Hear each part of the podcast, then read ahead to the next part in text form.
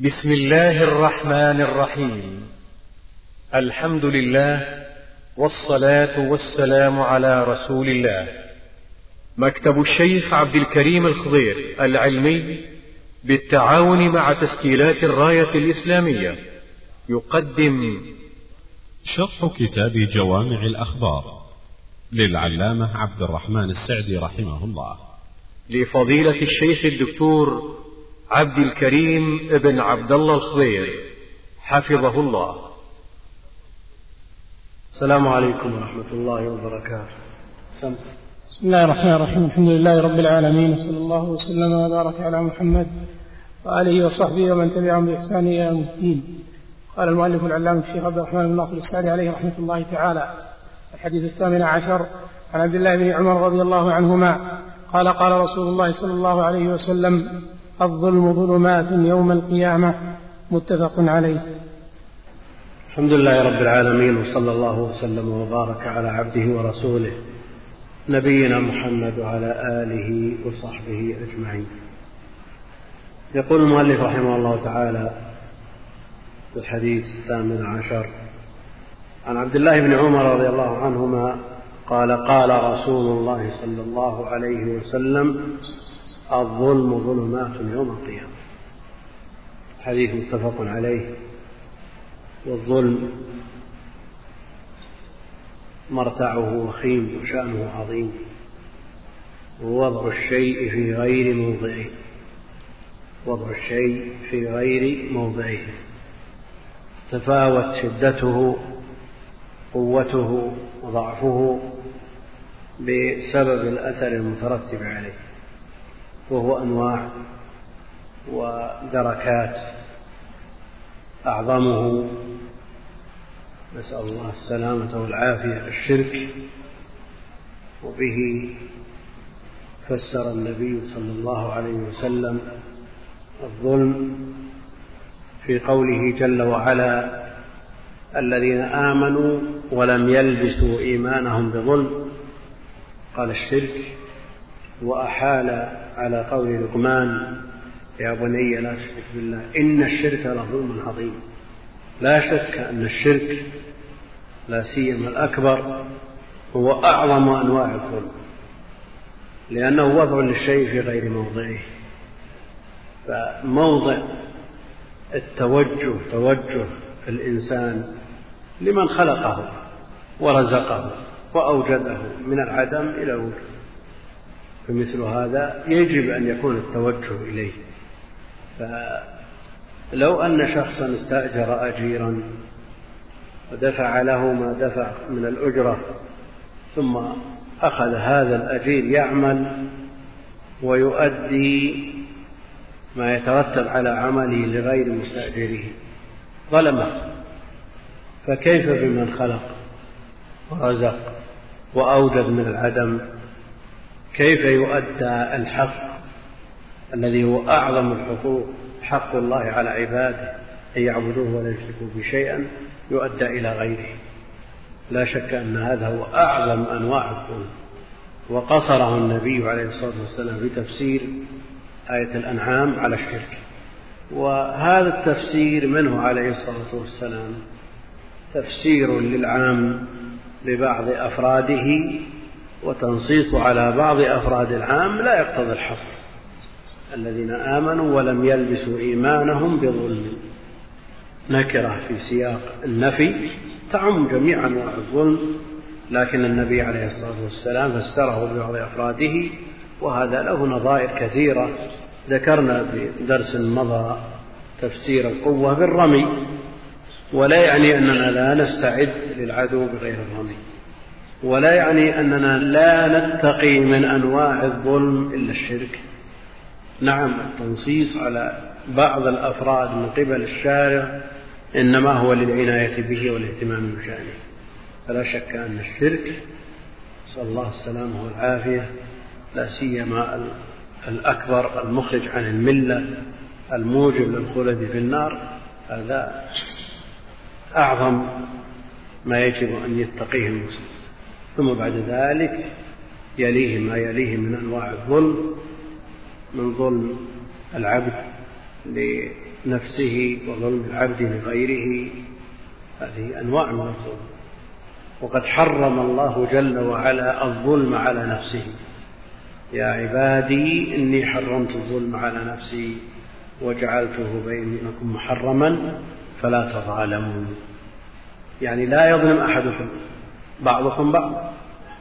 فعلى الإنسان أن يتقي ويجتنب الظلم لا ظلم الإنسان لنفسه بأن يدنسها بأوضار الشرك والبدع والمعاصي ولا ظلم الإنسان لغيره لا ظلم المسلم وشأنه عظيم وظلم من لا يستحق الظلم من غير المسلمين غير الحربيين وكذلك ظلم البهائم أيضا.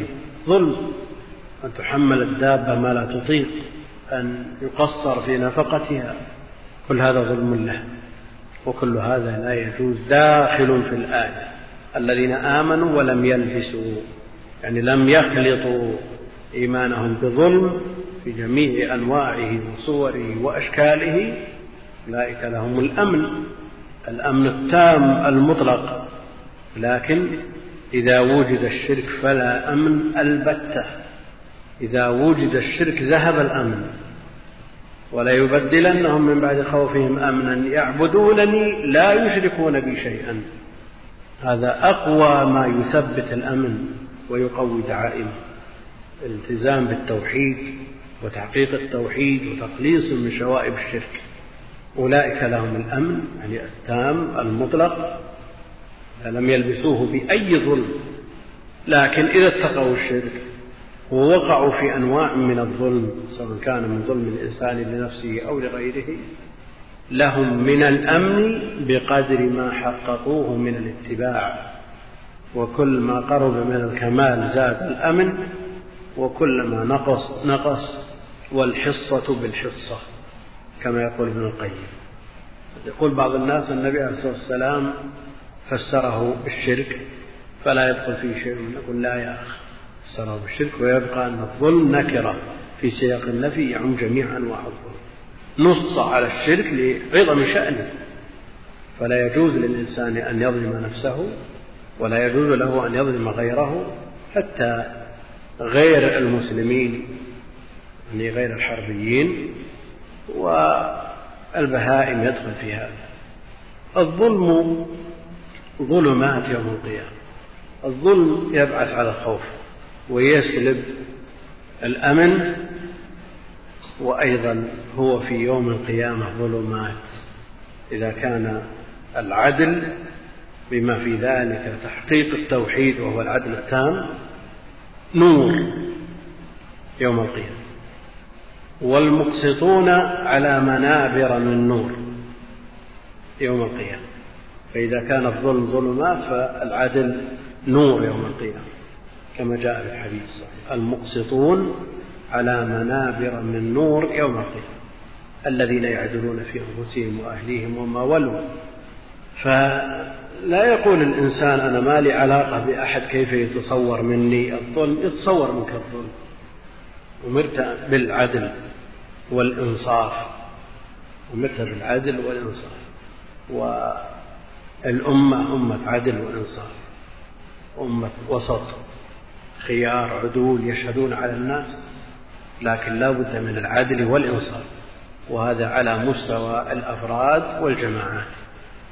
ليس من العدل أن تسأل عن شخص هفوته يسيرة فتجعل هذه الهفوة من العظائم أو العكس لا بد من العدل والإنصاف ولا يجوز لك وأنت بصدد ترجمة راو من الرواة ضعفه يسير تجعله شديد.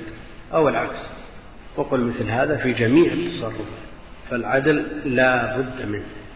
وإذا حكمتم بين الناس أن تحكموا بالعدل. إن الله يأمر بالعدل والإحسان.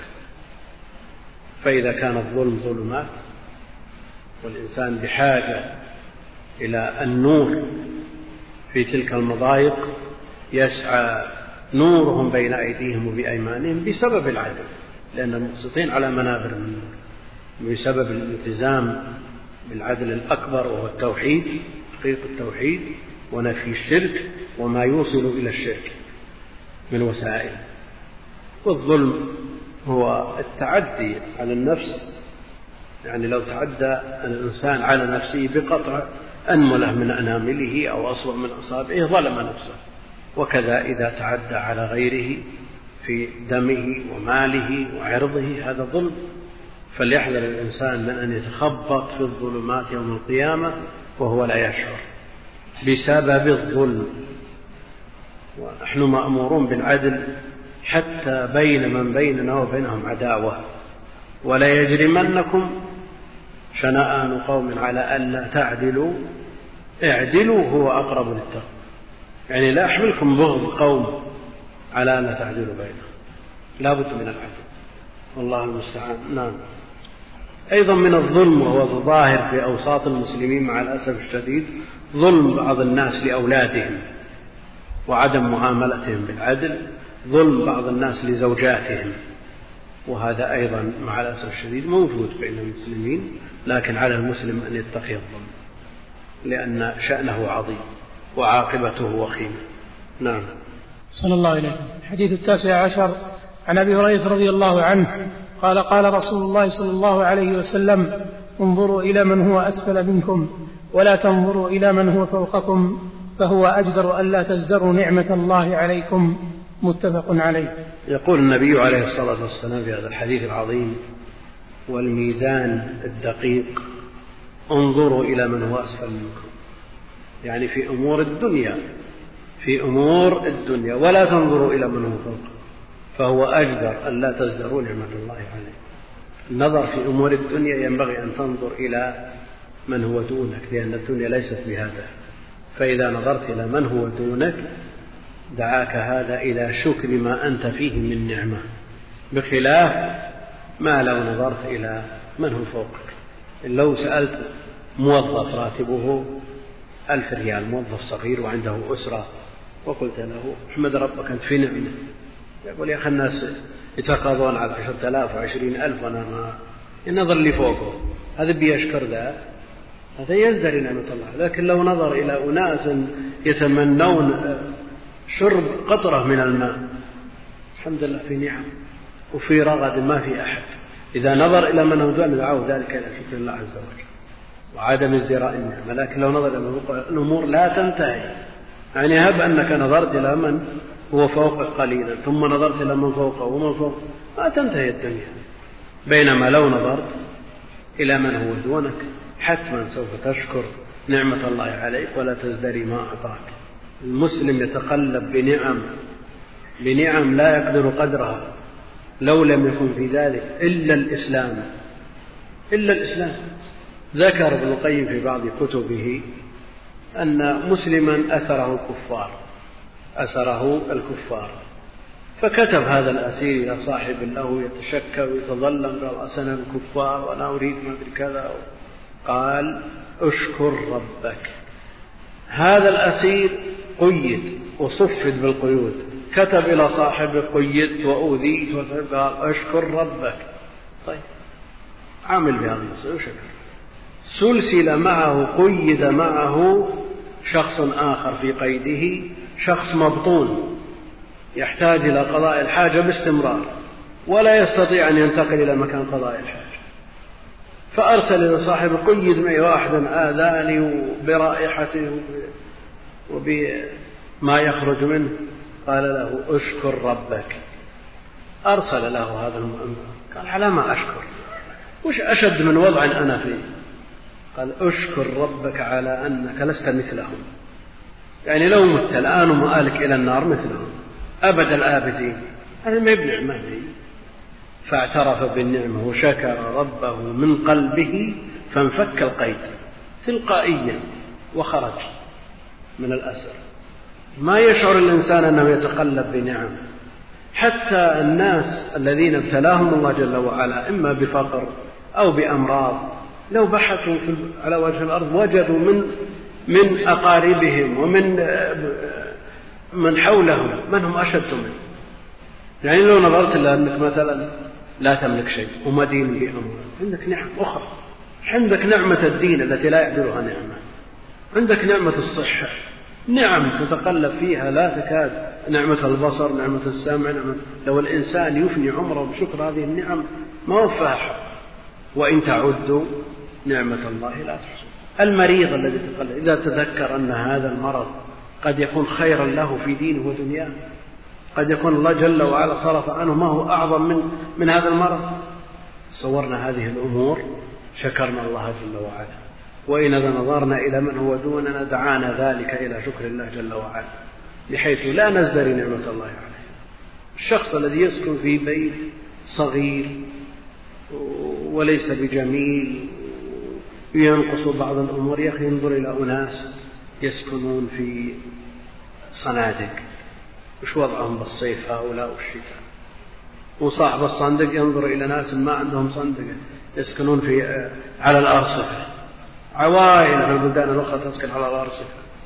لكن هذا الميزان في أمور الدنيا. أما في أمور الآخرة فالذي ينبغي العكس تنظر إلى من هو فوقك. تقول أنا والله الحمد من الله علي؟ أقرأ القرآن في كل شهر. يا أخي انظر إلى من يقرأ القرآن في كل أسبوع بحيث تزداد من العمل الصالح إذا نظرت من فوقك القدوات وإمامهم وسيدهم محمد عليه الصلاة والسلام. قام من الليل حتى تفطرت قدماه تنظر في أمور الدين والعبادات إلى من هو فوق في البذل والإحسان انظر من فوق. تقول والله أنا الحمد لله أنا لو نظرت نفسي ونظرت زملائي أنا أبرك منهم وخير منهم. ما ينفع هذا. لبعض العامة الذين سافروا إلى الأقطار نعم وذهبوا إلى بلاد الكفار المئات الملايين بل ألوف الملايين كفار يقول إحنا بخير. إحنا ما ننكر إننا بخير لكن نحتاج إلى مزيد من هذا الخير. إذا نظرنا إلى الكفار ما عملنا. كنا ننكر. كما قال بعضهم اللي سافروا قالوا ابدا ما لكم مكان بالنار النار. تبي تمتلي من من الصين والهند ويمين ويسار. مليارات. لا يا أخي لا تنظر إلى هؤلاء. لا تنظر إلى من هلك. كيف هلك؟ انظر إلى من نجا كيف نجا. عليك بخلاص نفسك. وليكن قدوتك وأسوتك من أمرت بالاقتداء به والاتساء به. فلتنظر إلى من هو همته فوق همتك في أمور الآخرة لتزداد من الأعمال الصالحة. ولتحتقر عملك. ولا تعجب بنفسك وعملك. ولتتواضع لربك. فهذه موازين شرعية ينبغي أن تكون بين عيني المسلم لا سيما طالب العلم. طالب العلم تسمو همته مثلا أن يكون مثل شيخه فلان. طيب اطلع فوق شوف شيوخه شوف علماء الإسلام. لأنه إذا نظر إلى شيخه ومستواه قال الحمد لله على الجادة وعلى الطريقة. والمسألة أيام وناصر إن شاء الله. لا يا أخي ضاعف من الجهد في العلم والعمل لكي تصل إلى ما تريد إن شاء الله تعالى. نعم. صلى الله إليكم الحديث العشرون. عن أبي هريرة رضي الله عنه قال قال رسول الله صلى الله عليه وسلم لا يقبل الله صلاة أحدكم إذا أحدث حتى يتوضأ. متفق عليه. الشيخ رحمه الله تعالى ينتقل في كتابه وينتقي من الأحاديث الجوامع في جميع أبواب الدين فمن أبواب العقائد إلى أبواب الآداب إلى أبواب العبادات.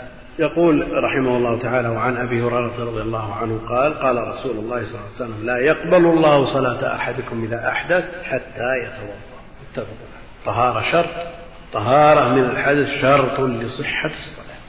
فلا يقبل دليل على الاشتراط والمراد بنفي القبول هنا نفي الصحة. لا يقبل الله صلاة من أحدث حتى يتوضأ. لا يقبل الله صلاة بغير طهور. ولا صدقة من غلول. المراد بنفي القبول هنا نفي الصحة.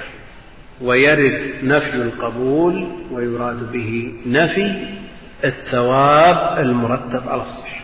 ففي مثل هذا لا يقبل الله. إذا صلى من غير طهر صلاته مردودة وليست بصحيحة. لا يقبل الله صلاة حائض إلا بخمار. نفي القبول نفي الصحة. على هذا لو صلى من غير طهارة صلاته باطلة تلزمه الإعادة. لماذا؟ لأنه أخل بشرط من شروطها ولو قدر أنه صلى ناسيا من غير طهارة تلزمه الإعادة. لأن الله لا يقبل صلاة من أحد حتى يتوب. بينما يأتي نفي القبول في بعض النصوص ويراد به نفي الثواب المرتب على العبادة. لا يقبل الله صلاة من في جوفه خمر.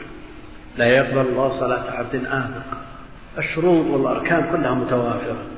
فهو في عرف الفقهاء الصلاة صحيحة مجزئة مسقطة للطلب لكن ليس فيها ثواب. إنما يتقبل الله من المتقين. إنما يتقبل الله من المتقين.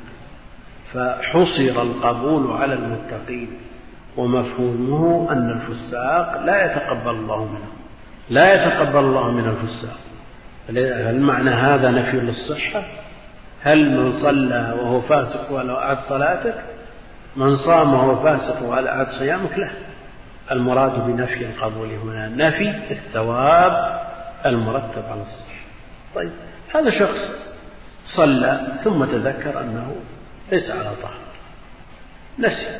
ربنا لا تؤاخذنا إن نسينا أو أخطأ تلزمه الإعادة ولا تلزم تلزمه الإعادة. لأن الله لا يقبل صلاة أحدكم إذا حتى يتوضأ. تلزمه الإعادة ناسي. نعم تلزمه الإعادة والقاعدة عند أهل العلم أن النسيان ينزل الموجود منزلة المعدوم لكنه لا ينزل المعدوم منزلة الموجود لا ينزل المعدوم منزلة الموجود. فشخص صلى الظهر ناسيا خمس ركعات. نقول صلاتك صحيحة لأن النسيان ينزل هذه الركعة الزائدة لأنها موجودة منزلة المعدوم ولا شيء عليه صلاتك صحيحة إن ذكرت وأنت في الصلاة أو قريب منها تسجد للسهو ولا ما عليك شيء إذا طال الفصل. وهنا نقول ربنا لا تؤاخذنا إن نسينا لكن النسيان لا ينزل المعدوم منزلة الموجود فمن صلى الظهر ثلاث ركعات يقول أنا والله نسيت والله يقول ربنا لا تؤاخذنا إن نسينا نقول لا. لا بد أن تأتي بركعة رابعة. وإن طال الفصل لا بد من إعادة الصلاة. لأنك وإن نسيت إلا أن المعدوم لا يمكن أن ينزل منزلة الموجود بسبب النسيان. وهذه قاعدة مضطردة عند أهل العلم. من صلى ناسيا الحدث عليه أن يعيد لكن صلى وعلى بدنه نجاسة. ناسيا. متطهر. حدث مرتفع لكن على بدنه نجاسة. ناسيا. صلاته صحيحة لأن هذا موجود نزله منزلة المعدوم والنبي عليه الصلاة والسلام لما أخبر أن في نعله قدر ما أعاد الصلاة؟ خلع النعل وانتهى. ولو لم يعلم إلا بعد فراغه من الصلاة ما يلزمه بهذا. فالطهارة من الحدث وهو يشمل الأكبر والأصغر الموجب للغسل والموجب للوضوء أمر لا بد منه شرط من شروط الصلاة. لا يقبل الله صلاة بغير طهور ولا صدقة من غلول. أول حديث في صحيح مسلم. من حديث ابن عمر لما زار ابن عامر فقال له انصحني أو عظني أو ادع لي. قال لا يقبل الله صلاة بغير طهور ولا صدقة من غلول. وكنت على البصرة. كيف كنت على البصرة؟ يعني كان أمير على البصرة. والولايات مظنة لأن يدخل على الإنسان بعض الشيء بقصد أو بغير قصد. في مثل هذا ينبغي أن يحتاط له. والله المستعان. نعم. عفى الله عنه. الحديث الحادي والعشرون عن عائشة رضي الله عنها قالت قال رسول الله صلى الله عليه وسلم عشر من الفطرة قص الشارب وإعفاء اللحية والسواك واستنشاق الماء وقص الأظافر وغسل البراجم ونتف الإبط وحلق العانة وانتقاص الماء يعني الاستنجاء. قال الراوي ونسيت العاشرة إلا أن تكون المضمضة. رواه مسلم. في هذا الحديث يقول المؤلف رحمه الله تعالى عن عائشة رضي الله عنها قالت قال رسول الله صلى الله عليه وسلم عشر من الفطرة. الفطرة التي فطر الله الناس عليها هي الخلقة أصل الخلقة التي خلق الله عباده عليها. وجبلهم عليها ومنهم من يقول الدين لأن الله جل وعلا فطرهم على الدين. ما من مولود إلا يولد على الفطرة يعني على الملة وعلى الدين. لكن المؤثرات بعد الولادة تجتاله عن هذا الدين وعن هذه الفطرة. عشر من الفطرة عشر يعني عشر خصال من الفطرة. قص الشارب وإعفاء اللحية التي هي من سمة الرجال وقد أمرنا بإعفاء الشوارب وإعفاء اللحى فلا يليق بالمسلم أن يرسل شاربه لأنه يجتمع فيه أوساخ وأقدار ويقع فيما يشرب وفيما يؤكل وينزل من الأنف أشياء و فهو واسطة بين الأنف وبين الفم. فينبغي أن ينظف. وكذلك إعفاء اللحية. وقد جاءت الأوامر الشرعية بإعفائها وإكرامها. وجاء في وصف النبي عليه الصلاة والسلام أنه كان كث اللحية. وتعرف قراءته من خلفه باضطراب لحيته. وهذا هو الثابت المرفوع عنه عليه الصلاة والسلام. هذا هو الثابت المرفوع عنه عليه الصلاة والسلام. وجاء عن بعض الصحابة كابن عمر أنهم يأخذون من اللحية ما زاد على القبضة لا سيما في النسك. ابن عمر رضي الله عنه ثبت عنه أنه كان يأخذ في النسك ما زاد على القبضة ويتأول قوله جل وعلا محلقين رؤوسكم ومقصرين يعني في آن واحد في آن واحد. فالواو عنده هذه للجمع وليست للتقسيم. يعني ما هم محلقين بعضكم محلق وبعضكم مقصر ليست للتقسيم ولا للتنويع إنما هي للجمع. هذا فهمه رضي الله عنه. فإذا كان الرأس بيحلق وش يبقى؟ إيش نقصر له حلقنا الرأس؟ لابد نقصر اللحية. هذا فهمه رضي الله تعالى عنه. والذي عندنا في الباب من النصوص المرفوعة هو إعفاء اللحية وتوفير اللحية وإكرام اللحية. ولا تقابل مثل هذه النصوص بما نقل عن أي شخص كائنا من كان لأن الموقوف لا يقابل يقابل المرفوع أبدا. وما استمرأ الناس حلق اللحى حتى تساهلوا في القص. والقص ما له نهاية. وليت مقتصر على القبض لأن مسألة خطوات. إذا دخل المقص دخل المقص. تجد العلماء كبار فحول في الأقطار تساهلوا في هذا الأمر. وقص ما زاد على القبضة ثم نقص هذا وزاد هذا وبيضبون وبي لازم تساوى اللحية وجار المقص وما أدري إيش وغفلت عن الحلاق. علشان إيش؟ حجج خطوات. ثم بعد ذلك تسامح. شوفون يعني هل اقتصر الناس على القبضة؟ القبضة إيش معنى القبضة؟ القبضة يقبض على اللحية يأخذ ما زاد ومر علينا مر عليكم من يدرس الكتاب والسنة التفسير والحديث والفقه من هو؟ أمهلوا لأنفسهم فأخذوا كل شيء من مسألة قبض الشيطان لا ينتهي عند حد. ودرسنا واحد في الشريعة قبل خمس ثلاثين سنة يقول القبضة هكذا. إصبع واحد. لا رافع أن الأصبع رافع. دي قبضة من تلاعب الشيطان. فقد أحسن من انتهى إلى ما سمع. سمعنا التوفيق سمعنا الإكرام سمعنا الإعفاء جاء في وصفه عليه الصلاة والسلام ما جاء. يا ابن أم لا تأخذ بلحيتي بلحيتي لحية طويلة. شلون بيأخذ وهي قصيرة؟ فعلينا أن نحافظ على هذه. هي شعيرة من شعائر الإسلام. شعيرة ظاهرة من شعائر الإسلام وجاء الأمر بها فحلقها حرام. ونقل بعض أهل العلم الإجماع على تحريم حلق اللحية ثم يأتي من يأتي يقول من باب الآداب ومن باب العادات. آه، يعني إذا قال سنة مؤكدة تشفقوا الناس مع طول الزمن وكثرة رؤية من يتساهل بهذه الشعيرة. فعلى المسلم أن يثبت سيما طالب العلم أن يأخذ الدين بقوة بحزم وعزم. لا يتأثر بكل مرأة وبكل كلام وبكل ناعق. لا لا. طبيب من الشرق باكستاني أو هندي طبيب ما هو لا ليس عنده من العلم الشرعي شيء. لحيته كثة طويلة. دخل عليه أستاذ في الفقه من الجهات حليق قال الطبيب يا أستاذ إيش أنت؟ قال أنا أستاذ في الفقه الإسلامي. قال أين لحية قال لحية سنة. اللحية سنة. يعني أمرها سهل السنة أمرها سهل. قال أنا ما يعرف سنة. الرسول مثلي ولا مثلك؟ بس. انتهى الإشكال الرسول مثلي ولا مثلك؟ ما بين سنة ولا بدعة. لم بيتفلسف يقول سنة لا يعاقب يثاب فاعلها ولا يعاقب تاركها هذا ما عنده. صحيح. مأمور بالاقتداء. افترض إنها سنة تغنين عن هذه السنة. وش اللي قابل السنة؟ والله المستعان. والسواك.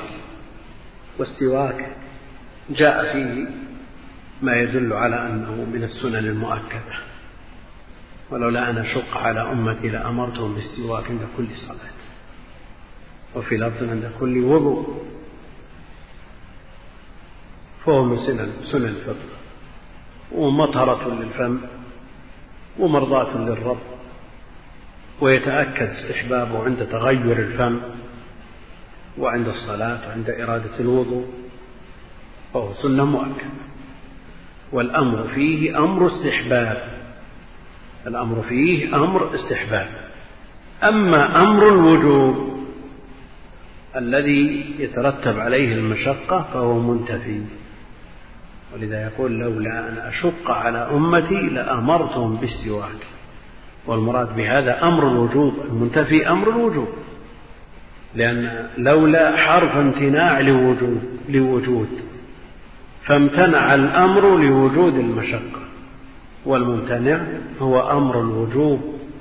وهذا من أقوى أدلة الجمهور على أن الأمر المطلق للوجوب لأن أمر الاستحباب ثابت هنا.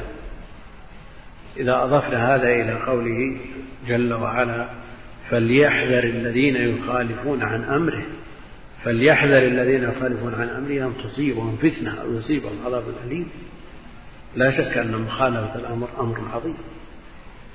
صلى الله السلام والعافية فالسواك مأمور به وهو عبادة ويبقى أنه يتأكد في مواضع منها إرادة الوضوء إرادة الصلاة عند تغير الفم عند القيام من النوم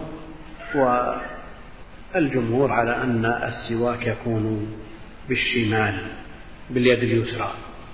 ويقول شيخ الإسلام رحمه الله تعالى إنه لا يعلم أحدا من الأئمة قال بالتسوق باليمين مع أن جده المجد يقول باستحباب التسوق باليمين. والسبب أنه ينظر إليه من جهتين أنه عبادة وامتثال أمر فالأحق به اليمين وإذا قلنا أنه إزالة قدر ووسخ فبالشمال. وعامة أهل العلم على أن التسوق يكون بالشمال. والمراد بالسواك استعمال العود اللين الذي لا يجرح لثة لإزالة ما علق بالأسنان واللسان من أوساخ واستنشاق الماء الاستنشاق وجاء الأمر به فهو واجب في الوضوء من واجبات الوضوء من واجبات الوضوء. إذا توضأ أحدكم فليجعل في منخريه من الماء. جاء الأمر بالاستنشاق والاستنثار والاستنشاق إدخال الماء إلى الأنف بالنفس والاستنثار إخراج الماء أيضا من الأنف بالنفس والمقصود بتنظيف ما يدخل وتنظيف الأنف مما يدخله وهو مظنة لأن تدخله الأوساخ والغبار وما أشبهه وهذا من كمال الشريعة من كمال هذه الشريعة جاءت بالنظافة ومباعدة الأوساخ والأقدار وهذا لائق بالاستنجاء في غسال يغسل ملابس أمريكي جاء وأعلن إسلامه من غير دعوة ما دعي إلى الإسلام. فسئل عن السبب قال إنه غسال. إذا غسل ملابس المسلمين وجد الروائح طيبة. وإذا غسل ملابس غير المسلمين وجد الروائح الكريهة. والفرق هو الاستنجاء وهذا سيأتي. لكن ديننا دين النظافة دين الفطرة. نعم دين الألفة والمحبة. ولا يمكن أن تجتمع الألفة مع المحبة مع الأوساخ ومزاولة القذرات أبدا. الشخص القذر الوسخ الذي تنبعث منه الروائح الكريهة لا يمكن أن يؤلف. فهذا من أسباب الألفة. الاستنشاق واجب من واجبات الوضوء وأوجبه بعضهم لكل قائم من النوم لأن الشيطان يبيت على خيشومه لكن هو متأكد في حق المتوضئ وهو داخل في فرض الوجه مع المضمضة لأنه لم ينص عليه في آية الوضوء آية المائدة. إذا قمتم إلى الصلاة فاغسلوا وجوهكم. ولذا لم يوجبه جمع من أهل العلم لأنه لم ينص توضأ كما أمرك الله أمر الله جل وعلا ما أمرك في كتابه أن تستنشق ولا تتمضمض. هذه حجة من لا يرى الوجوب لكن جاء الأمر بالاستنشاق. وإذا توضأت فمضمض أيضا جاء الأمر بالمضمضة لكن ما جاء في الاستنشاق أقوى مما جاء في المضمضة. وعلى كل حال المضمضة والاستنشاق داخلان في الوجه لأنهما من أجزائه وفي حدوده وإن كان من يقول بالقول الآخر يتأول الآية على أن المراد بالوجه ما تحصل به المواجهة والمواجهة لا تحصل بالفم والأنف. على كل حال المسألة خلافية والنصوص من السنة المبينة لما أجمل في القرآن تدل على وجوب المضمضة والاستنشاق.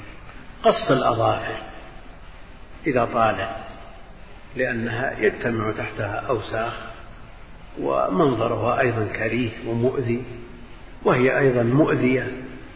إذا مرت من أدنى جهة من جهات البدن تجرح فلا يجوز أن تطال الأظافر وإن اقترن بذلك تقليد للكفار أو للفساق ازداد الأمر. وقد حد النبي عليه الصلاة والسلام حدا لهذه الزوائد في أخذها بالأربعين أربعين يوم. قص الأظافر وغسل البراجم التي هي المغابن في البدن التي لا يصل إليها الماء فإذا لم يصل إليها الماء تراكمت فيها الأوساخ. ونتف الإبط نتف الإبط وهو أيضا إذا طال شعره ومع ما يخرج منه من عرق ولكونه مكتوم. فإذا اجتمع هذا العرق مع هذا الشعر زادت الرائحة الكريهة. فأمرنا بنتف الإبط أمرنا أن هذا من السنة من الفطرة. وهو أيضا داخل فيما حد فيه بالأربعين. نتف الذي هو قلع الشعر. لكن لو استعمل الاستحداد فيه أو أزاله بأي وسيلة بنورة أو شبهها كفى لأن المقصود الإزالة. وإن كان النتف أولى لأن النتف يزيل الشعر من أصوله فالأوساخ التي في أصول الشعر تنتهي معها. بينما الحلق قد لا يفي بجميع الغرض. نعم يخفف الحلق ونتف الإبط حلق العانة حلق العانة وهي ما ينبت حول القبل والدبر لمن بلغ سن التكليف. هذا يحلق لأنه كغيره من هذه الزوائد التي هي مؤذية بنفسها ومجتمع للأوساخ والقاذورات. وديننا دين النظافة. ولذا اشترطت الطهارة لأعظم آه، أركان الإسلام بعد الشهادتين. ويقال في هذا مثل ما قيل في نتف العانة يعني لو نتفت آه، في نتف الإبط لو نتفت العانة ودون حلق أجزاء ذلك لأن المقصود الإزالة. آه، وانتقاص الماء انتقاص الماء وهذا يعني الاستنجاء. فسره الراوي بالاستنجاء. انتقاص الماء. ولولا تفسير الراوي لصعب معناه. نعم. إيش انتقاص الماء إلا إذا كان هناك ما يدل في لغة العرب على أن هذا استعمال نعم محدد للاستنجاء. وإلا الانتقاص والنقص والأخذ من الماء يكون للاستنجاء ولغيره. لكنه فسره الراوي وأراحنا من الاضطراب. والراوي أدرى بما روى أعرف بما روى يعني الاستنجاء والاستنجاء السين والتاء لطلب النجو الذي هو نفس الخارج والمراد قطعه والاستنجاء يفرق بينه وبين العلم بينه وبين الاستجمار بأن الاستنجاء يكون بالماء والاستجمار يكون بالأحجار. بالجمار التي هي الحجارة. ولا شك أن هذا أمر لا بد منه. ولا يصح قبله عند أهل العلم وضوء ولا تيمم. لا بد من إزالته وقطعه قطع الأثر الخارج بالكلية بالماء لتعود خشونة المحل في الاستنجاء. وأما الاستجمار فيزال ما يقدر على إزالته بالعدد المحدد ثلاثة أحجار فأكثر وما زاد على ذلك بحيث إذا بقي أثر لا يزيله إلا الماء فإنه معفو عنه. قال الراوي نسيت العاشرة نسيت الخصلة العاشرة إلا أن تكون المضمضة والمضمضة إدخال الماء بالفم وتحريكه باللسان وإدارته ومجه ومجه بعض كتب اللغة تنص على المج. فإذا أدخل الماء في فمه وأداره بلسانه وشدقيه ثم ابتلعه. هنا يكون تمضمض ولا ما تمضمض؟ نعم. مضمض ولا ما تمضمض؟ نعم. نعم إذا أدخلنا المج في مسمى المضمضة قلنا ما تمضمض بعض كتب اللغة تنص على أن المج من المضمضة. وهنا علة قد لا يتبطل لها بعض الناس. هذا الوسخ الذي في الفم والمطلوب إزالته ينبغي أن يخرج. وجاء في حديث فيه كلام الحث على إخراج ما بقي في الفم الأسنان وما أشبه ذلك. يعني ما ابتلعته فكل وما عداه فلا. لأنه إذا بقي في الفم ودخل عليه الهواء وتأكسد على ما يقولون؟ يحللون. يتلوث. لا شك أن من هذا من كمال العناية الشرعية فالمج من أصل المضمضة. فإذا تمضمض فليمج الماء. ومنهم من يقول أن المضمضة هي إدارة الماء فقط. والمج ليس من سماء المضمضة. على هذا لو ابتلعه يقال أنه تمضمض نعم. الله عنكم. الحديث الثاني والعشرون. عن أبي سعيد الخدري رضي الله عنه قال قال رسول الله صلى الله عليه وسلم الماء طهور لا ينجسه شيء. رواه أحمد والترمذي وأبو داود والنسائي. نعم في حديث أبي سعيد هذا الحديث. الذي يدل على أن الأصل في الماء من أي مصدر كان سواء نبع من الأرض أو نزل من السماء فإنه على الاصل الأصل فيه أنه طهور لا ينجسه شيء. طهور لا ينجسه شيء. وجاء الاستثناء من حديث أبي سعيد وحديث أبي أمامة إلا ما غلب على لونه أو طعمه أو ريحه. بنجاسة تحدث فيه لكن هذه الزيادة ضعيفة باتفاق الحفاظ لكن أهل العلم أجمعوا على أن الماء المتغير بالنجاسة أنه نجس. يبقى الحديث على عمومه إلا ما استثني ودليل الاستثناء الإجماع وإلا فالزيادة ضعيفة. والإجماع عند أهل العلم لا بد أن يكون له مستند ولو لم نقف على هذا المستند. ومنهم من يقوي هذه الزيادة المتفق على ضعفها بالإجماع كما يقوي الترمذي الأخبار والأحاديث بالعمل بعمل أهل العلم وعليه العمل عند أهل العلم. على كل حال المسألة متفق عليها بين العلم. لم يخالف أحد في أن الماء إذا تغير بنجاسة أنه نجس سواء كان التغير في اللون أو الطعم أو الريح لأن المستعمل لهذا الماء المتغير مستعمل لنجاسة. مستعمل لنجاسة. إن الماء طهور لا ينجسه شيء. وهذا الحديث عمومه يقتضي أن الماء لا ينجس إلا إذا تغير قل أو كثر. عمومه يقتضي أن الماء لا ينجس إلا بالتغير قل أو كثر. هذا العموم وهو استدلال بالمنطوق إلا أنه بالعموم معارض بمفهوم حديث ابن عمر حديث القلتين إذا بلغ الماء قلتين لم يحمل الخبث. إذا بلغ الماء قلتين لم يحمل الخبث. مفهومه أنه إذا لم يبلغ القلتين فإنه يحمل الخبث.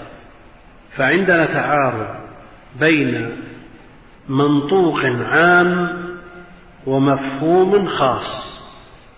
فإذا نظرنا إلى النصين من حيث العموم والخصوص لا شك أن الخاص مقدم على العام. هذا أمر متفق عليه.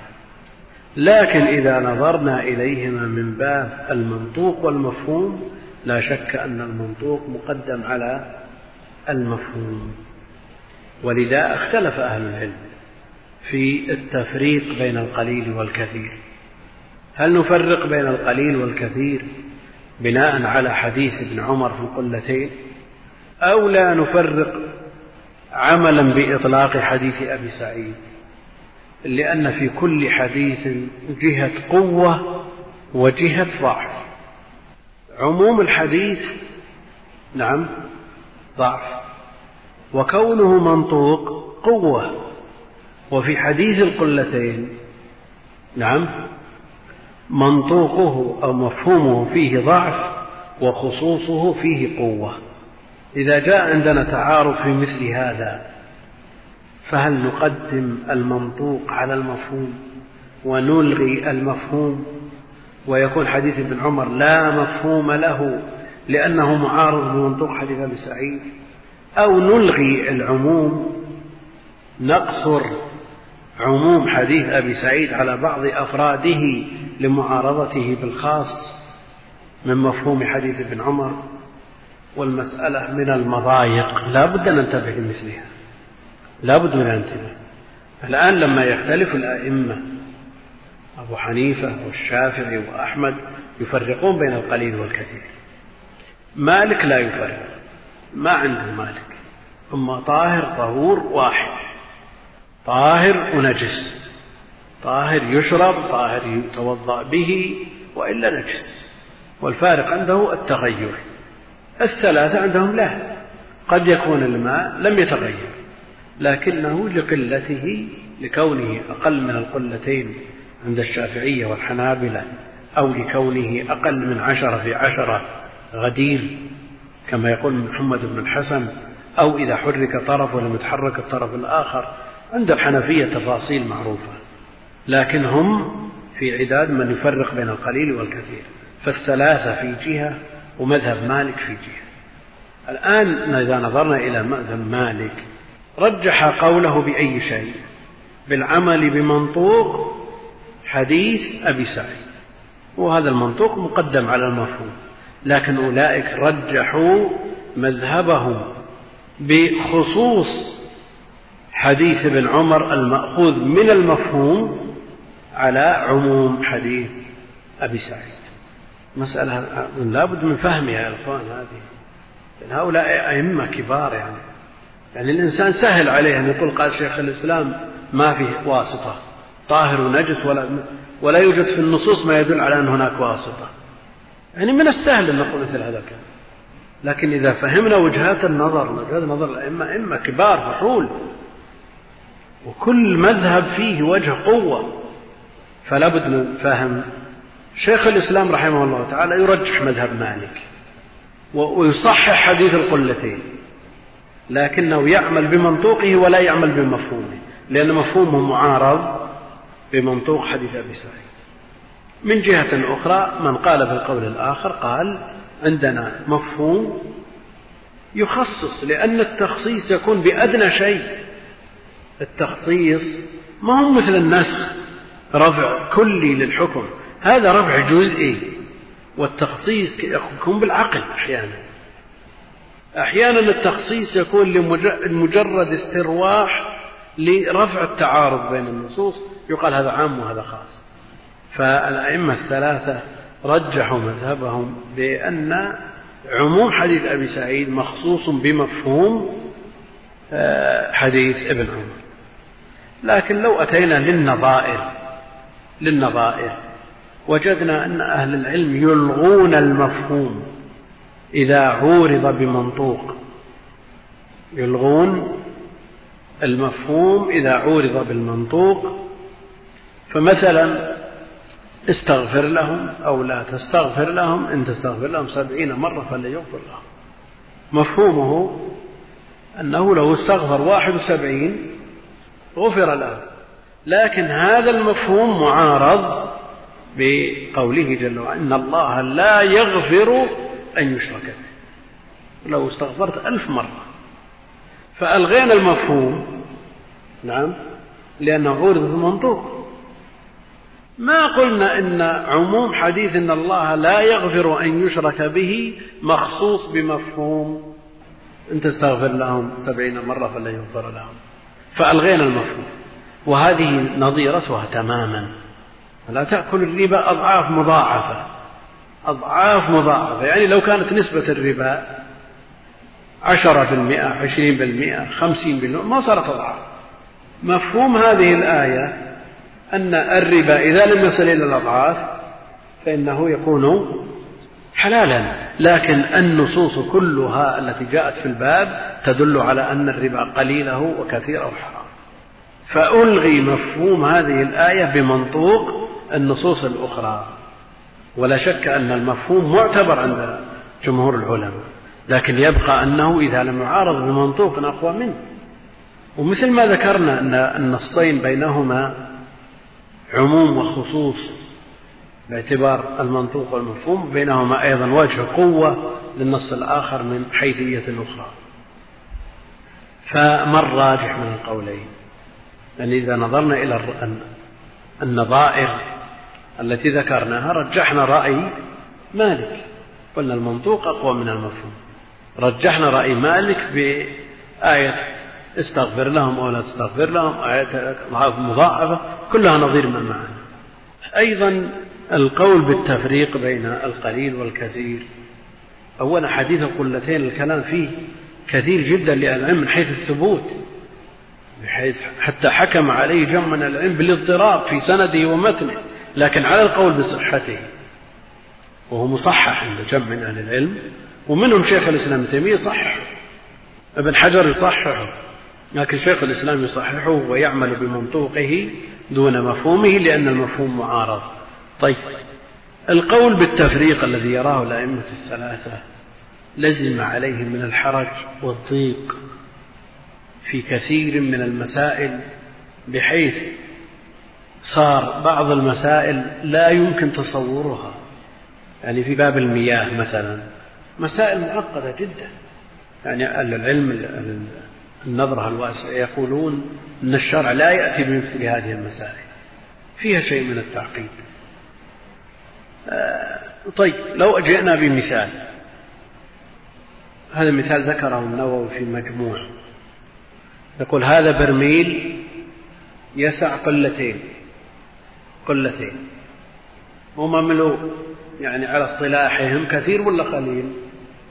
كثير. وقع فيه نجاسة. وما غيرت شيء من لونه ولا طعمه ولا ريحه. جئنا بدلو وغرفنا منه بحيث ينقص عن القلتين. وش يقول النووي والشافعية؟ يقول الذي في جوف الدلو طاهر ولا نجس؟ طاهر طاهر لأنه أكثر من قلتين قلتين فأكثر اللي في جو لكن الذي يتساقط منه الذي صار فيه بعد أن نقص عن القلتين يقول أهل العلم هل يأتي الشرع بمثل هذا؟ يعني تأتي بدلو تغرف من ماء طاهر عندك فيكون ما في جوفه طاهر وما يتساقط منه من برا. نجس؟ نعم. ولذا الغزالي في الإحياء تمنى أن لو كان مذهب الشافعي مثل مذهب الإمام مالك. شو يتخلصون من هذه القضايا وهذه المسائل المشكلة؟ وما الذي دعا الغزالي وهو بالنسبة للشافعية إمام من أئمتهم ما الذي دعاه أن يتمنى؟ التزامه بتقليد المذهب. ولا شيخ الإسلام رحمه الله تعالى قال ما علينا من المذهب. رجح ما يرجحه الدليل من وجهة نظره وما يعتقده وما يدين الله به ولا عليه فلا شك أنه نشأ عن التفريق بين الطاهر والطهور مسائل يعني لا لا يستوعبها كثير من طلاب العلم ولا يأتي شرع سمته اليسر والسهولة وعدم الشدة والوضوح لا يأتي بمثل هذه الصور. وعلى كل حال يبقى مذاهب الأئمة محترمة والأئمة محل تقدير نعم ويعترف لهم بالفضل وأما بالنسبة للترجيح فالإنسان يرجح ما يدين الله به جل وعلا. فأنت وقعت هذه النجاسة لا ترى لها أثر الماء إن الماء طهور لا ينجسه حديث إن الماء طهور حد يعرف بحديث ها؟ بئر بضاعة. وبئر بضاعة جاء فيها. إنها بئر يلقى فيها النتن لحوم الكلاب الحيض نجاسات لكنها لم تتغير. فإذا وقعت نجاسة يسيرة في مثل هذا الماء ولا أثرت فيه. إن الماء طهور لا ينجسه شيء ولماذا نضيق على أنفسنا؟ نعم إذا شككت أو تورعت هذا شيء ثاني لكن يبقى أنك ما تمنع الناس وتضيق عليهم لأن الاحتياط في مثل هذا لا يمكن. ما يمكن الاحتياط. شخص ما عنده إلا هذا الماء اللي في البرميل ووقع فيه نجاسة كيف تحتاط؟ وافترض المسألة بشخص ما عنده إلا هو. إما أن يتوضأ في هذا الماء الذي هو طاهر عند مالك أو يعدل إلى التيمم وعنده واجب للماء. نعم؟ دعنا من كون الشخص عنده هذا الماء المشكوك فيه والمختلف فيه وعنده ماء ثاني يمكن أن يتوضأ به هذا تورع لا بأس.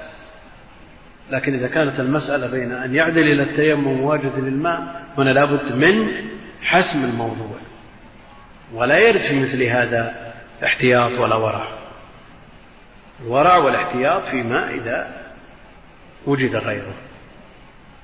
الماء طهور لا ينجسه شيء. هذا الأصل في الماء. هذا الأصل في الماء. فإذا كان عندك ماء هذا وصفه. باقي على خلقته غير متغير. وشككت فيه. هل وقع فيه نجاسة أو لم تقع؟ فتبني على الأصل. أن الأصل فيه الطهارة أن الماء طهور لا ينجسه شيء. نعم. الله عنكم الحديث الثالث والعشرون عن أبي قتادة رضي الله عنه قال قال رسول الله صلى الله عليه وسلم في الهرة إنها ليست بنجس إنها من الطوافين عليكم والطوافات. رواه مالك وأحمد وأهل السنن الأربعة يقول المؤلف رحمه الله تعالى عن أبي قتادة والحارث بن ربعي رضي الله عنه قال قال رسول الله صلى الله عليه وسلم في الهرة إنها ليست بنجس والعلة في ذلك إنها من الطوافين عليكم والطوافات. يعني العلة المنصوصة. الهرة ليست بنجس. هذا الحكم الشرعي. والعلة في ذلك كونها من الطوافين عليكم والطوافات. فهذه الطوافة من هذه الهرة لا شك أن الطواف تقتضي مشقة التحرز مشقة التحرز كانت البيوت تعج بمثل هذه الحيوانات. لا يستطيع أحد أن يتحرز منها. الآن خفت في البيوت. لإحكام الأبواب الأبواب محكمة لكن مع ذلك تبقى من الطوافين والعلة منصوصة. أقول العلة منصوصة والعلل المنصوصة تدور مع الأحكام. فإذا وجدت هذه الطوافة من أي حيوان كان بحيث يشق التحرز منه فإنه يأخذ نفس الحكم بالقياس. منهم من يقول يأخذ الحكم بعموم العلة ومنهم من يقول بالقياس والعلة تجمع بينهم. الرابط العلة. طيب أهل العلم نظروا إلى النص باعتبار أن الطوافة من لازمها المشقة. فإذا كان من يخالط الناس ويطوف عليهم بحيث يشق عليهم التحرز منه نعم. تسري بالله. ولذا قالوا وسؤر الهرة وما دونها في الخلقة طاهر. كيف نظروا إلى الخلقة؟ يعني لو جاءت فأرة وشربت ماء نقول طاهر ولا نجس طاهر. ليش؟ لأنها دون الهرة ويشق التحرز منه لماذا لم ينظروا إلى ما هو أعظم من الهرة من الطوافين لأن ما هو أعظم من الهرة لا يشق التحرز منه. يعني ألهر لصغر حجمه وما دونه في الخلق من باب أولى يمكن يغالب الناس ويدخل من حيث لا يشعرون لكن حيوان كبير سهل يعني. ترده عن دخول البيت أو عن دخول مكان الطعام سهل يعني التحرز به فنظروا إلى أن المشقة في صغار الحجم. وحددوا الحجم بالهرة التي جاء فيها النص. وقالوا إن ما فوق الهرة لا يشق التحرز. يعني لو كان عنده ناس كلب. كلبه فوق الهرة حجم. في بيتهم رابطين. لكن مثل هذا الكلب لا يشق التحرز منه لكبر حجمه. الأبواب ترده. ترده الأبواب. أما الهر لصغر حجمه وكانت الأبواب ليس فيها من الإحكام مثل أبوابنا الآن. نعم؟ سهل يعني تدخل يدك وتفتح من لو ما معك مفتاح في الأبواب الأولى. وسهل أنه يقفل عليك الباب ولا تأثر. لأن فيها فجوات فيها نعم بحيث تدخل فيها من معها والأمور مبنية على اليسر والسهولة في أمور المسلمين. لكن الآن شوف الغلق والأبواب بحيث يحجب الهواء ما يدخل. نعم الهواء ما يدخل. وكل شيء له ضريبة. إن انقفل على أصبع قطع الأصبع إن انقفل على بزر بزر خطر عليه. كل شيء له ضريبة صحيح أنه نافعة ومفيدة وتمنع الهواء تمنع الغبار وتمنع لكن لها ضرائب. نعود إلى الأبواب في الماضي. يدخل الهر من تحت يدخل الهر من من عند الكوة يدخل صحيح. مثل هذا لكن لو جاء أكبر من الهر ما يقدر يدخل. فهم نظروا إلى الحجم من هذه الحيثية لأن ما كان أكبر من الهر يمكن التحرز منه يعني لو عندهم في الفناء كلب ولا حمار ولا شيء سهل أن يغلق عنه باب الصالة سهل. بينما الهرة لخفتها وصغر حجمها وقل أسهل من هذا بالنسبة للفار فالمشقة قاعدة عند أهل العلم أنها تجلب التيسير. ما دام يشق التحرز عن هذه الأمور خفف فيها وحكم بطهارتها. ولو حكم بنجاسة الهرة لا حصل من المشقة والعنة الشديد ما لا يتصور. هناك أيضا من الحشرات ما هو طاهر؟ نعم طاهر وهو ما لا نفس له سائلة يعني ما في دم. اللي ما فيه دم عند أهل العلم طاهر. حيا وميتا. الذباب مثلا طاهر وش الدليل؟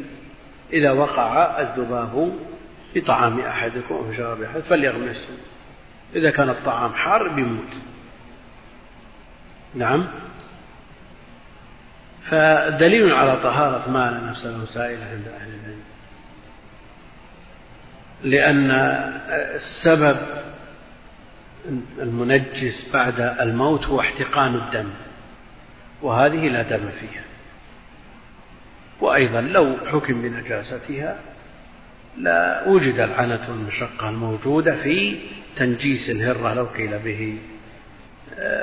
جاء الأمر بغسل ما ولغت فيه الهرة مرة واحدة لكنه محمول على الاستحباب. عند من يقول بثبوته محمول على الاستحباب وإلا فهي طاهرة. أما الكلاب فقد جاء الأمر بغسل ما ولغ فيه الكلب سبعا إحداها أو أولاهن أو إحداهن أو أخراهن أو عفروا الثامنة بالتراب. نعم. الله عنكم. الحديث الرابع والعشرون. عن أبي هريرة رضي الله عنه قال قال رسول الله صلى الله عليه وسلم الصلوات الخمس والجمعة إلى الجمعة. ورمضان إلى رمضان مكفرات لما بينهن ما اجتنبت الكبائر رواه مسلم. الصلوات الخمس والجمعة إلى الجمعة. الصلوات الخمس التي تتكرر في كل يوم وليلة والجمعة التي تتكرر في كل أسبوع ورمضان إلى رمضان الذي يتكرر في كل سنة. مكفرات لما بينهم. وجاء أيضا العمرة إلى العمرة. مكفرات لما بينهن. ما اجتنبت الكبائر. ما اجتنبت الكبائر. في لفظ ما لم تغش كبيرة.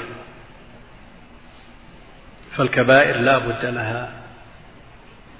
من التوبة. كبائر لا بد لها من التوبة. أما الصغائر فتكفرها الصلوات الخمس تكفرها صلاة الجمعة إلى الجمعة تكفرها صيام رمضان إلى رمضان مجرد اجتناب الكبائر كفيل بتكفير الصغائر. إن تجتنبوا كبائر ما تنهون عنه نكفر عنكم نكفر عنكم سيئات يعني الصغائر. وهذا من فضل الله جل وعلا وإلا لو كانت هذه الأمور لا تكفر الصغائر والإنسان يزاول من الذنوب والمعاصي من الصغائر الشيء الذي لا يخطر له على بال ولا يلقي له بالا يتساهل فيه ويسامح. لكن هذه الأمور من فضل الله جل وعلا أن نجعل هذه الحسنات والأعمال الصالحة تكفرها. وأتبع السيئة الحسنة تمحو. هذه حسنات مكفرة. وأتبع السيئة الحسنة تمحوها. وإن الحسنات يذهبن السيئات. وقصة من جاء بعد أن ألم بشيء من الصغائر وصلى مع النبي عليه الصلاة والسلام وقال النبي صلى الله عليه وسلم صليت معنا؟ قال نعم. قال إن الحسنات يذهبن السيئات. ولا يعني هذا أن الإنسان يسترسل. نعم لا يعني هذا أن الإنسان يسترسل في الصغائر. ويقول بنصلي وتروح لا يا أخي. أنت إذا نظرت إلى قدر من عصيت ما أقدمت على معصية ولا شك أن الاستخفاف بالمحرمات ولو كانت صغائر قد يجعلها عظائم لأنك لا بد أن تنظر إلى من عصيت. فليحذر المسلم من هذه المعاصي.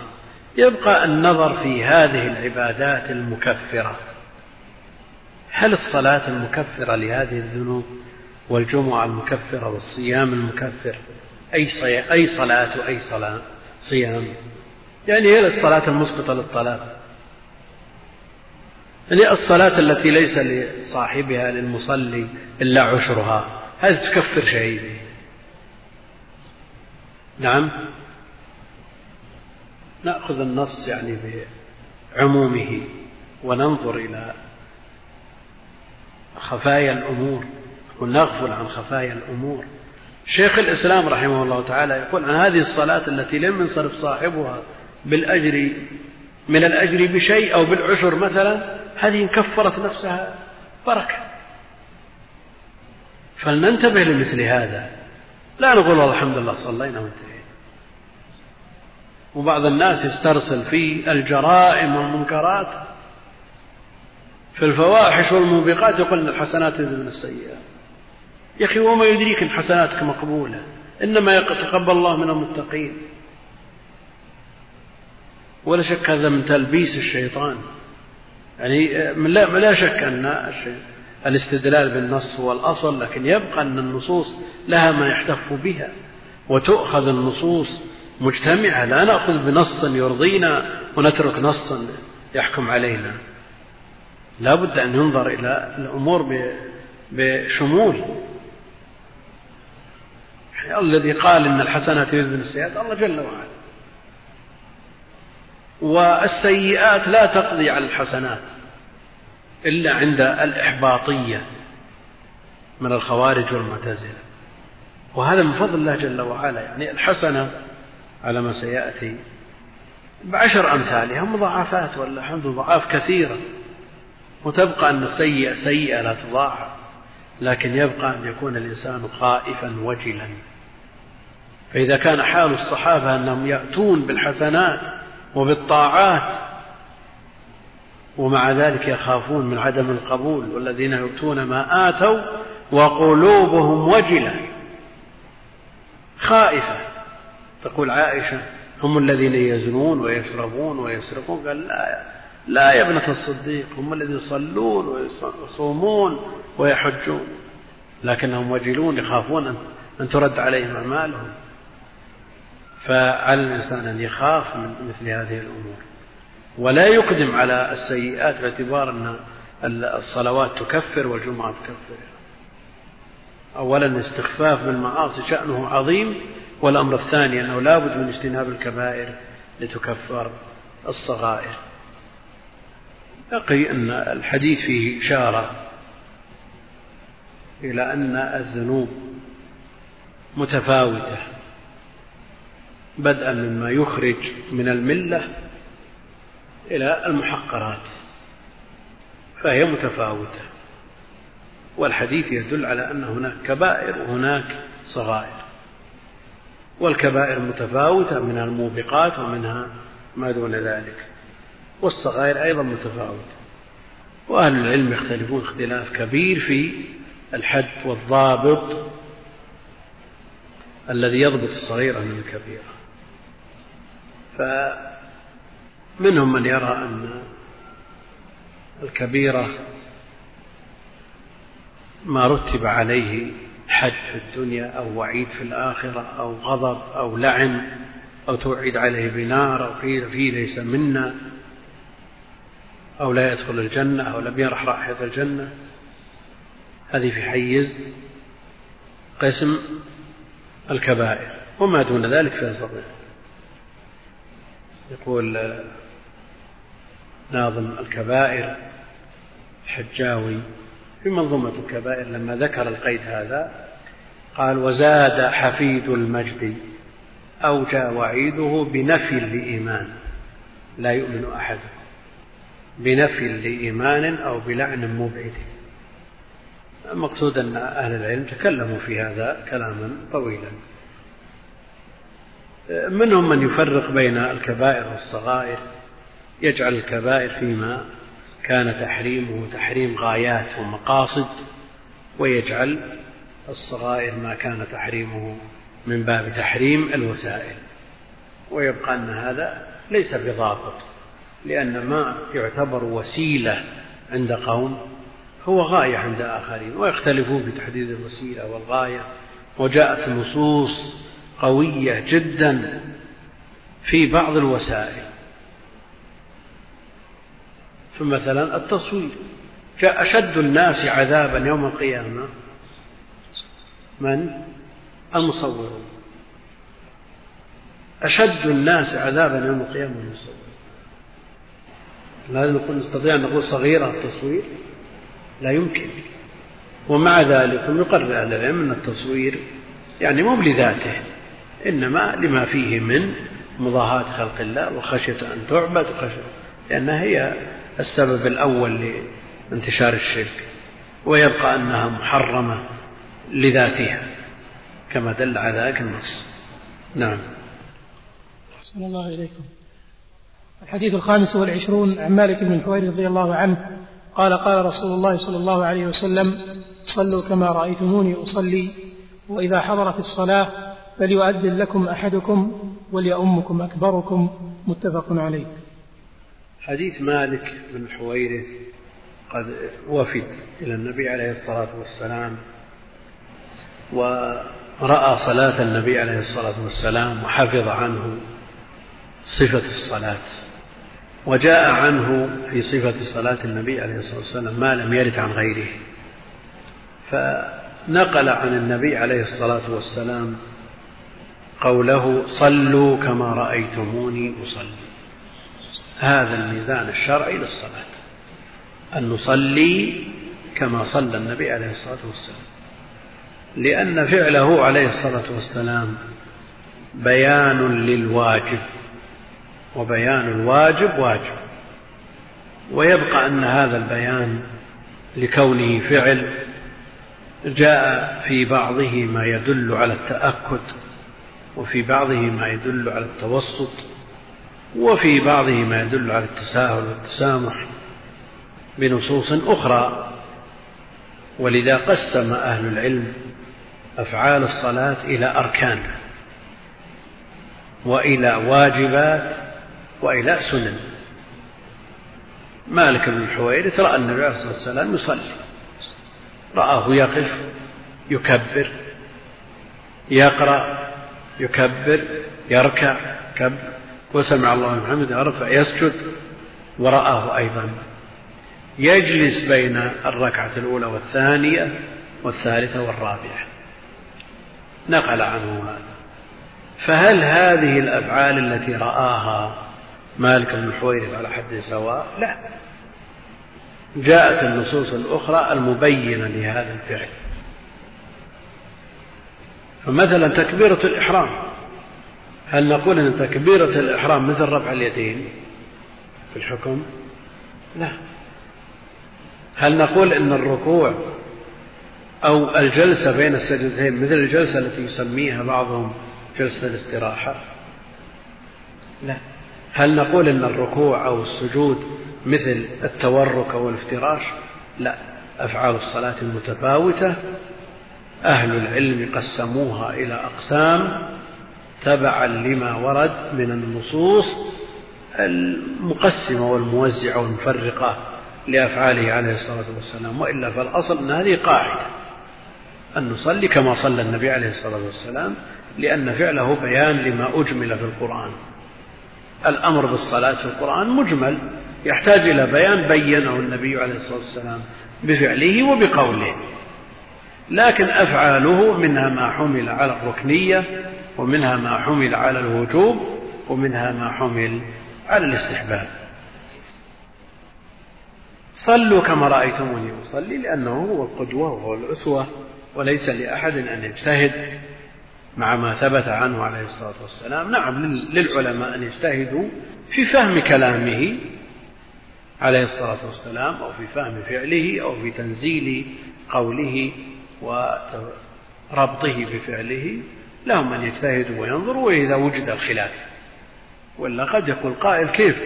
يختلف الأئمة ويختلف الصحابة وهم يرون النبي عليه الصلاة والسلام يصلي.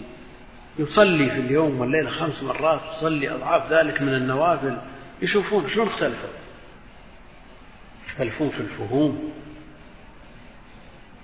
والنبي عليه الصلاة والسلام قد يطيل وقد يقصر وقد يستعمل بعض السنن وقد يترك بعض السنن. لبيان الجواز المقصود أن صلاته عليه الصلاة والسلام بيان لما أجمل من الأوامر في القرآن والسنة. والأصل أن هذا البيان واجب إنه جاء في النصوص ما يدل على أن مفردات هذا البيان الفعلي منها ما هو متأكد جدا بحيث يصل إلى حد الركنية الذي تبطل الصلاة بتركه أو الواجب الذي تبطل الصلاة بعمد تركه ويجبر بسجود السهو مع السهو والنسيان وما لا يلزم بتركه شيء كالسنن وأهل العلم فصلوا هذا تبعا للنصوص الواردة في ذلك. وإذا حضرت الصلاة فليؤذن لكم أحدكم. حضرت الصلاة. الأذان يعرفه أهل العلم بأنه الإعلام بدخول وقت الصلاة. فقوله إذا حضرت الصلاة يعني حضر وقتها. فالأذان إعلام بدخول الوقت. فلا يصح الأذان قبل دخول الوقت إلا في صلاة الصبح. إن بلالا يؤذن بليل. طيب. بعد طلوع الوقت مثلا هل يؤذن ولا ما يؤذن؟ يعني نام شخص أو مجموعة ناموا استيقظوا بعد طلوع الشمس. يؤذنون ولا ما يؤذنون؟ نعم يؤذنون. يؤذنون بعد الوقت. لو إنسان حبس في منصرفه من عرفة إلى مزدلفة حتى انتصف الليل. يعني ما قال أهل العلم أن الأذان إعلام بدخول الوقت. الآن قرب خروج الوقت. إذا الأذان أحيانا يكون للوقت وأحيانا يكون للإعلام بالصلاة فيما إذا ناموا عن الصلاة كما فعل عليه الصلاة والسلام لما نام عن صلاة الصبح. فليؤذن لكم أحدكم. الأذان ما يشترط له من الشروط مثل ما يشترط للإمامة. الأذان يكون صيت ثقة أمين عارف بالأوقات لكن لا يشترط له أكثر من هذا. بينما الإمامة وليؤمكم أكبركم. وليؤمكم أكبركم. الإمامة لها شروط. يؤم القوم أقرأهم لكتاب الله. فالأقرأ هو الأولى بالإمام. وإن حمله الأكثر على أن المراد به الأفقه. الحديث يؤم القوم أقرأهم لكتاب الله. فإن كانوا في القراءة سواء فأعلمهم بالسنة. فإن كانوا في السنة سواء فأقدمهم سلما. أقدمهم هجرة أكبرهم سنا المقصود أن لها أوصاف. الأولى بها الأمكن في هذه الأوصاف. ف يؤم القوم أقرأهم لكتاب الله وأعلمهم به وأحفظهم له وأضبطهم لقراءته. والأكثر يرون أن المراد بالأقرأ هو الأفقه. ولو كان غيره أكثر من القرآن لأن الإمام يعرض له في صلاته أمور إن لم يكن أفقه لا يستطيع أن يتخلص من هذه الأمور التي عرضت له. ولو كان حافظا لكتاب الله مجودا له. لكن النص نص واضح في أن المقدم الأقرأ لكتاب الله. وإن كان غيره أفقه منه. بدليل أن الفقه لا سيما فقه الصلاة جله مأخوذ من السنة والسنة مرتبة ثانية بعد الأقرأ كما في النص. إذا المقدم مطلقا هو الأقرأ ثم الأعلم بالسنة والأفقه لأن فقه الصلاة مأخوذ من السنة. ثم الأكبر أقدمهم سن أقدمهم سلم إسلام وهنا يقول وليأمكم أكبركم وجاء تقديم الكبير في أماكن ولا شرع ولا شك أن الشرع جعل للكبير ميزة. لما أراد أن يتحدث ولي الدم قال له النبي عليه الصلاة والسلام كبر كبر. ولا شك أن الكبر كبر السن مقدم في شريعة الإسلام لكن مع التساوي. لا نقول يؤم الأكبر مع وجود من هو أقرأ منه. لا. ترتيب مطلوب. نعم. والله أعلم وصلى الله وسلم وبارك على عبده ورسوله نبينا محمد وعلى آله وصحبه أجمعين.